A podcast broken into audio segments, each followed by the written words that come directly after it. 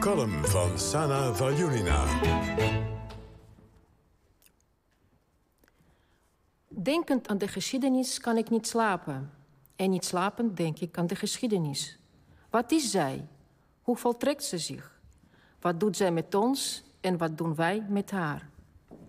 Haar muze heet Clio. Net als alle goden is ze onzichtbaar.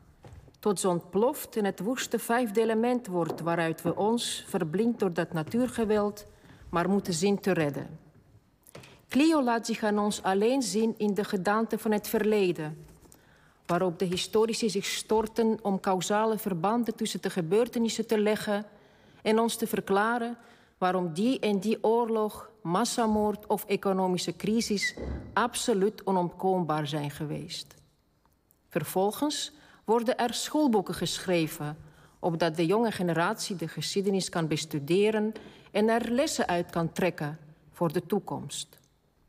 Niet slapend vraag ik me af hoe de geschiedenis tot stand komt als er nog dat ongrijpbare kakelbonte heden is tussen het verleden en de toekomst in, waarin onze levens zich afspelen. Wordt de geschiedenis door lesboeken gemaakt, die ons vormen tot wie we zijn, waarna wij weer de toekomst vormgeven? Of maakt de geschiedenis juist de lesboeken, door er bepaalde ideeën en interpretaties in te verkondigen, zodat alles bij het oude kan blijven?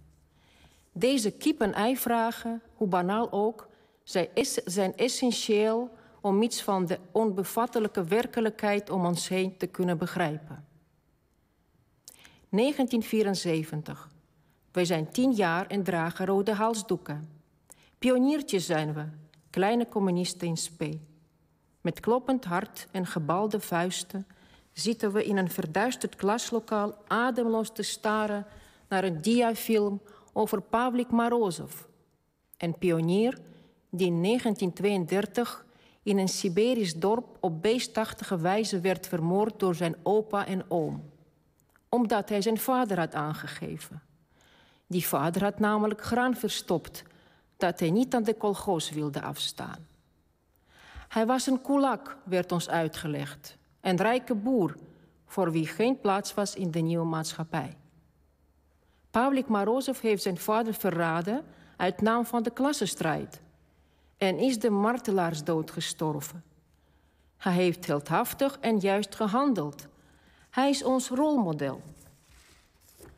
Onze kinderen lijken niet op hun vaders, maar op hun tijd, zouden de ouden ooit hebben gezegd. Pavlik Marozov is zijn tijd en onze grote held en de beroemde mythe waarmee generaties Sovjet-kinderen opgroeien. Niemand weet wie de echte Pavlik Marozov was, en wat zich precies in dat dorpje heeft afgespeeld. Maar wat doet het ertoe? Hij is al lang geschiedenis geworden waarin verraad een beproefd middel werd om een betere wereld te bouwen. In deze wereld worden wij met rode halsdoek om onze nek klaargestomd om die geschiedenis voor te zetten. Mijn eerste geschiedenisboeken, ze houden me nog altijd uit mijn slaap. Bedankt. Bedankt. Volgens mij was ik even niet te horen. Uh, bedankt voor deze column. Dat, die rode halsdoek heb je niet meer om, hè? nee. Uh, voor we het over een